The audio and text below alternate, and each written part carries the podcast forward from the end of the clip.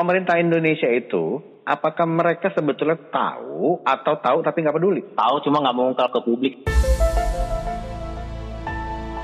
NASA akan mensosialisasikan melalui para tokoh agama mengenai kehidupan ekstraterestrial yang akan diungkap ke publik secara utuh. Kalaupun nanti diungkap secara terbuka gitu, apakah orang-orang bakal percaya dengan agama gitu?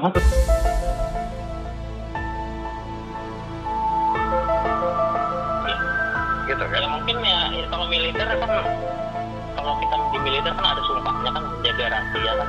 Jadi kalau dari militer kayaknya agak susah sih. Kalau dari kalangan itu kalau ada- bisa dipil Terus data lo yang terakhir, ya.